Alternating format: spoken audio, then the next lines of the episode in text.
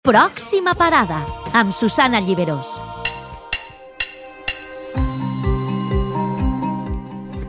Isabel Ferrer, com estàs? Bona vesprada. Hola, bona vesprada, Susana. Escolta'm, uh, m'agrada molt m'agrada molt sempre el que ens expliques, però és que el pròxim 13 de febrer se celebra el Dia Internacional de la Ràdio i en commemoració, avui este mitjà serà el protagonista de la teva secció, em sona molt.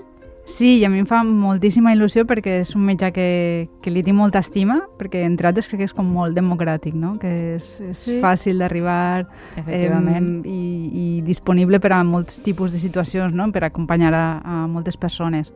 Així que la meva proposta d'avui és parlar dels inicis de la ràdio així en València, per a que puguem imaginar-nos què va ser allò que van escoltar els nostres avantpassats, no? en la primera ràdio. Ah, que bé, magnífic. Però escolta'm, abans d'això, per als profans en la matèria, podríem fer un, un xicotet en resum de com es va inventar la ràdio? Va ser Marconi?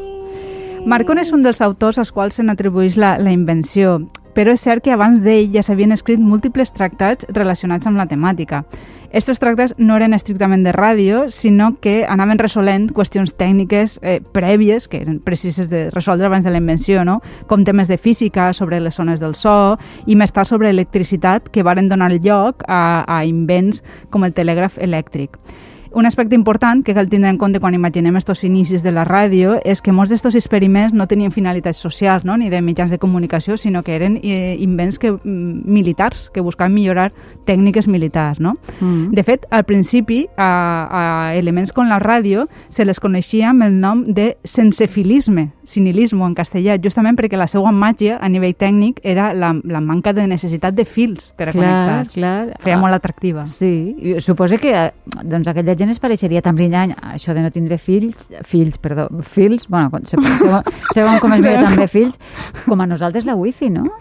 O més, perquè nosaltres jo diria que ja venim d'una certa inèrcia tecnològica, Sí. no? que en aquell temps no era tan present. En tot cas, ben pronte a València arribaren notícies sobre les noves tecnologies sense fils.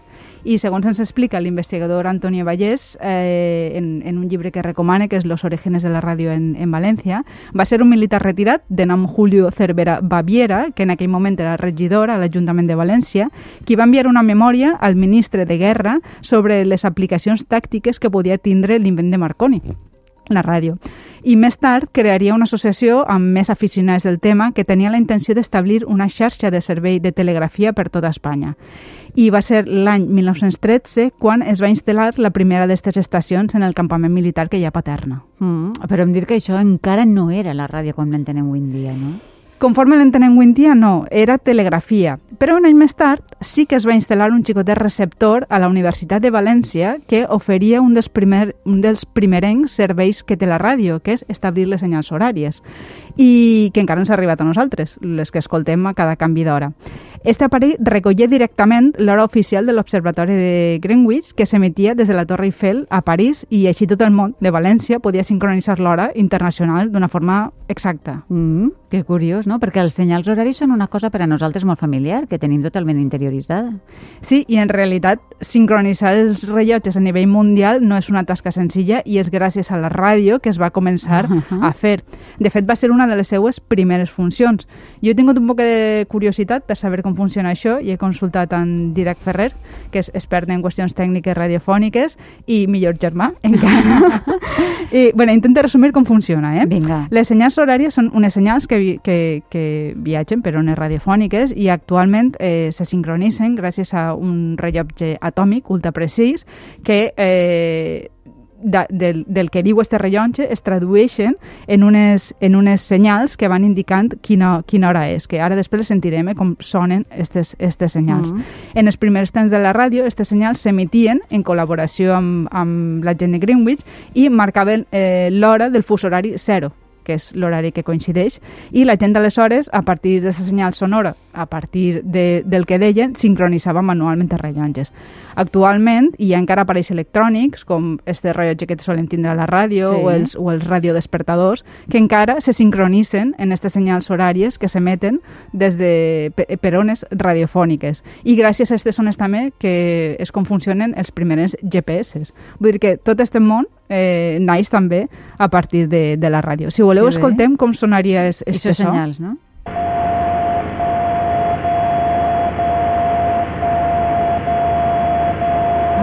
I això són els senyals, eh, els que recullen els nostres aparells? Alguns d'ells, sí, encara que funcionen en estes, Sí, sí. en estes, en estes zones, que viatgen per una, per una banda que normalment nosaltres no es contem, eh? no és la ràdio que, que sentim, és una altra banda. Uh, per això tots, contem no? en dispositius que funcionen al mateix, al mateix temps. Però bé, si tornem a València, la València de principis de segle, per a tindre emissions conforme les entenem avui en dia, hem d'esperar fins l'any 1920, que també a la Universitat de València es fa el primer experiment per a provar de fer emissions eh, amb una altra tipologia de sons que no siguin ones d'estes eh, horàries. No? Aleshores, per això, en el Palau de l'Exposició, que encara està a prop de l'Albereda, eh, es feu un concert que es va emetre des d'allà fins al Paranif de la Universitat de la Nau, al carrer, al carrer La Nau. Vull dir, no era molt llarg. I el so era extremadament dèbil perquè els aparells i la instal·lació d'aquell temps eren molt precaris, però està considerat un dels primers experiments de ràdio a tota Espanya. Ah, i sabem quina música es va interpretar? que jo sàpiga no queda rastre, queda rastre exacte, però en aquell temps se solien tocar grans peces sinfòniques, ballables, música del moment. Ja. I després d'aquest primer experiment, quin va ser el següent pas? El següent pas va ser més, menys ràpid del que podríem imaginar avui en dia. Cal, cal tindre en compte que la ràdio, a més que era un invent que encara no estava del tot perfeccionat, algunes autoritats se'l miraven amb certes suspicàcies, eh, Mm. com a, perquè no es podia censurar tan bé com els periòdics, i cam, també cal tindre en compte que al principi l'atracció de la ràdio era molt de tipus tecnològic, eh, no tant com a mitjà de comunicació, sinó en relació a tot este món d'aparells, dones, exactament, sí. sí. Aleshores, els primers aficionats a la ràdio eren homes interessats en qüestions de tipus tècnic, també musicals, a un cert poder adquisitiu per a poder costejar tots aquells aparells i també temps per a dedicar a aquestes innovacions no? que altres col·lectius no disposaven. I finalment allò que va fer este xicotet grup d'aficionats va ser crear una associació per a unir esforços que es va anomenar Radio Club València, que això va tindre lloc l'any 1924. Mm, caram, suposo que farien trobades, no?, per a compartir els seus interessos i de més. Sí, sí, sí. De fet, ells tenien en ment muntar una emissora pròpia a València, eh, que era una cosa que ja es feia en altres ciutats espanyoles. Però al principi no tenien ni seu pròpia, funcionaven en la seu de l'Horrat Penat primer i després en la de l'Ateneu Mercantil. Mm. I, de fet, allí va, es van traslladar i el que va ser el primer impulsor de la ràdio, Enric eh, Valor Benavent, va impulsar també el que seria la primera emissora, que es va anomenar Ràdio València. Sí, el nom va ser prou lògic. I el dia de la inauguració, com ens explica també Villar en el seu llibre, instal·laren altaveus en el carrer de les Barques eh, i va ser el públic que es va aglutinar allí per escoltar aquelles primeres, primers, Ah, primeres eh, músiques que sonaven eh, de la Ràdio València. I com no podia ser d'altra manera, les emissions començarem amb el passo doble de Salvador Giner, l'entrada de la Murta.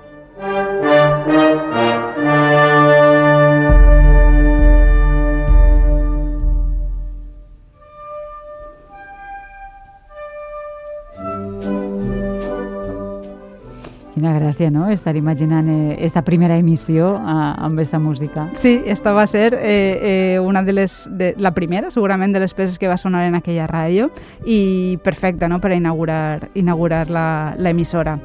A més est- d'esta peça de Giner, que era molt representativa a la ciutat, també en la inauguració de Ràdio València eh, van, van acudir a gèneres més de moda amb artistes famoses i valencianes. Aleshores va ser la soprano de Vilamarxant, Cora Raga, qui va interpretar una peça que s'anomenava La florista valenciana, que per ara no he pogut, crec que no sé si existeix, eh, localitzar l'enregistrament, però sí que podem escoltar-ne un altre, que és del mateix any, que s'escolta molt refregit, però probablement s'acosta molt a allò que escoltarien aquells En aquell dels moment, oients.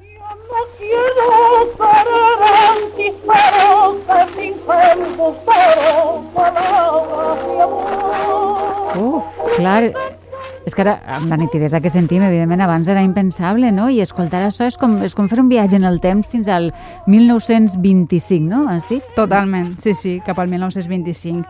I, evidentment, aquell dia, després dels discursos, l'acte va finalitzar amb l'himne a l'exposició, on va participar la coral del Micalet. Ja veig que en realitat hi estaven implicades totes les entitats de més renom de la ciutat d'una forma o altra i les personalitats anaven també ballant, no? Clar. Eh, això va ser el dia de la inauguració de Ràdio València, no? Però com eren les emissions diàries? Vull dir, quin tipus de programa hi havia?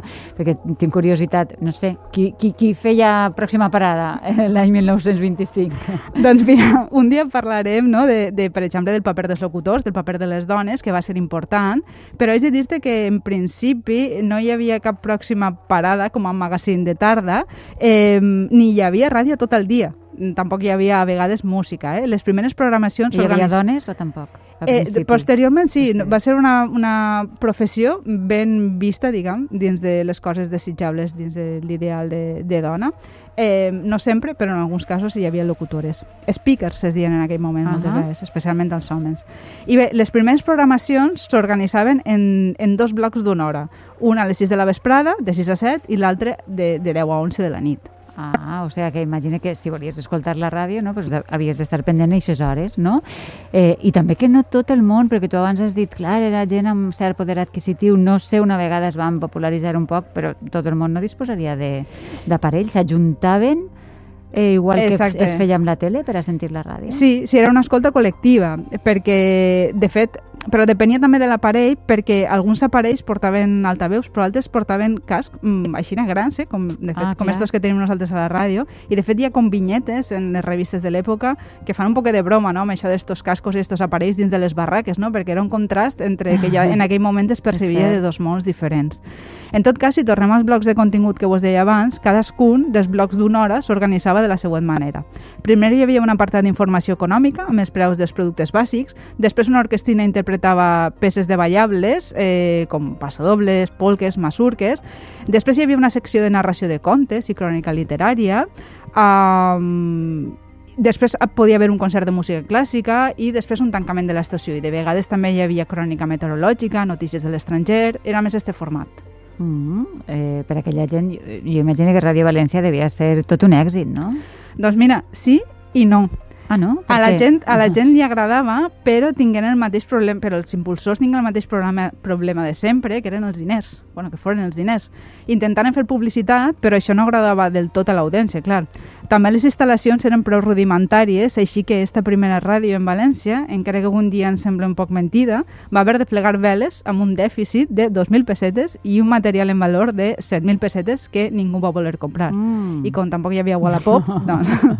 Aleshores, eh, hi hagueren diversos intents de tirar endavant algunes ràdios, com una anomenada Ràdio Levante, i d'impulsar-ho amb altres mitjans, no? perquè també es publicaven, per exemple, revistes que incluïen la programació, entrevistes amb els speakers que comentàvem, altres personatges, com els de l'orquestrina, i que tocava allí, i altres aspectes tècnics. Però cap d'aquestes iniciatives al final va quallar. Ah, però estic segura que això va ser una cosa temporal, no? Sí, aleshores és quan entra eh, més en escena Enrique Valor, que ja l'hem esmentat abans, que era un advocat molt aficionat a la ràdio, i l'any 1929 va unir una altra, una altra vegada no? un grup d'aficionats i a la premsa per a impulsar la que seria la sucursal valenciana d'Unió Ràdio, que era una companyia que ja operava en altres ciutats espanyoles. Clar, això va ser possible perquè aquest projecte de més ampli espectre solucionava la manca de recursos econòmics que havien impedit l'avanç no? d'altres emissores. Tardaren dos anys, però ja durant la Segona República, una vegada el govern va regular les polítiques d'emissió, van inaugurar esta Unió Ràdio i l'any 1931, com he dit, eh? Durant la primera emissió, a més dels habituals discursos de l'autoritat, es va interpretar la marxa dels clarins de València, que és l'inici de l'himne, aquestes trompetes, i uh, una obra d'Eduardo López Chavarri, que era una de les principals uh, personalitats musicals del moment.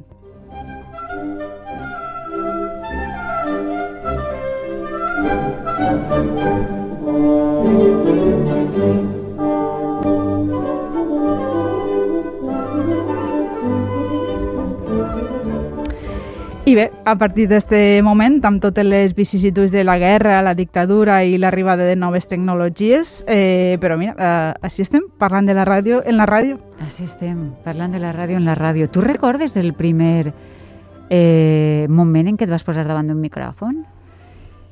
Sí, sí que me'n recorde. Sí. Quants anys sí, tenies? Sí, totalment. Uh, mm, seria adolescent, sí, sí, sí.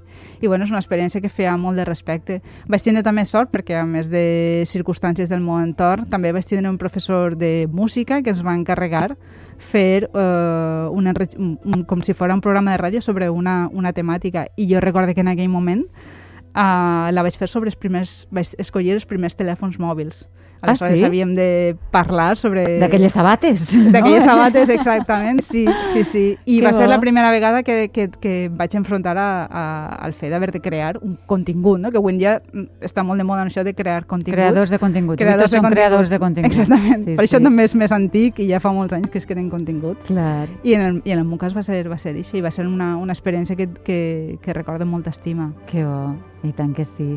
Bueno, la ràdio és absolutament mm, addictiva, no sé si seria la paraula, no? Però sí que és com una, una intermediària entre tot el que passa i aquell que escolta, no? Entre la vida i el que està quieto, no? Escoltant, no? I, i, i bueno, un canal de comunicació com un altre, però amb tota la màgia del món, no? Sí, de fet, um, amb una màgia que, que abans encara era més gran, no? perquè avui tenim les xarxes, però abans no, mm. No sabies ni la cara no? d'aquella persona que t'acompanyava moltes hores al dia i que pràcticament eh, Era de la família, no? Era de la no? família, però sí. sense tindre cara. Però sense tindre cara. Bé, però segurament tindria la, la, cada, cada un se l'imaginaria d'una manera i tindria moltes cares, no? Sí. Vull dir, I això, en certa manera, és una llàstima, no?, que s'hagi Sí. perdut. Sí, sí, Eh, quan van començar això a les xarxes socials és una de les coses que vaig pensar, no? Sí. que de repente la, ja s'havia perdut esta màgia, en aquest Mm. sentit s'han guanyat altres coses, Sí, òbviament. i tant, i tant. Jo recorde el, els primers, així records més de, de tindre consciència de la presència forta de la ràdio a ma casa, a casa dels meus pares, eh, quan jo anava a EGB, no? era el que ara seria primària, i, i feia els deures de vesprada eh, amb, a la cuina amb ma mare mentre ella cosia i escoltava la, la ràdio. Sí, I, sí, sí. I, I són aquelles imatges que et queden gravades no? de, la, de la infància, de la... Mm. Sí, els meus primers records també estan molt relacionats amb situacions així. Recordo també despertar-me de Mm. bon de matí, ma mare escoltant la ràdio, que és una grandíssima aficionada, es passa el dia Sí. amb, amb els auriculars, i la sensació de, de casa, eh, entre altres, gràcies al so de, de, de la, ràdio, veritat? Sí. sí, sí, sí. sí. En fi, meravellós eh, el programa d'avui, molt, molt interessant, eh, tirar enrere en el temps no? per a saber eh, com va néixer així, així a, a València la ràdio. Moltíssimes gràcies. El dia 13, avui estem a 8 del dia 13 és quan és el dia de la ràdio. Nosaltres ho estem celebrant tota la setmana. Ahir vam anar a Alacant també amb motiu de, doncs això, apropar la ràdio amunt i avall del nostre país, on sempre estem i com sempre estem. Gràcies, Isabel Ferrer. Fins A la setmana que ve. Gràcies.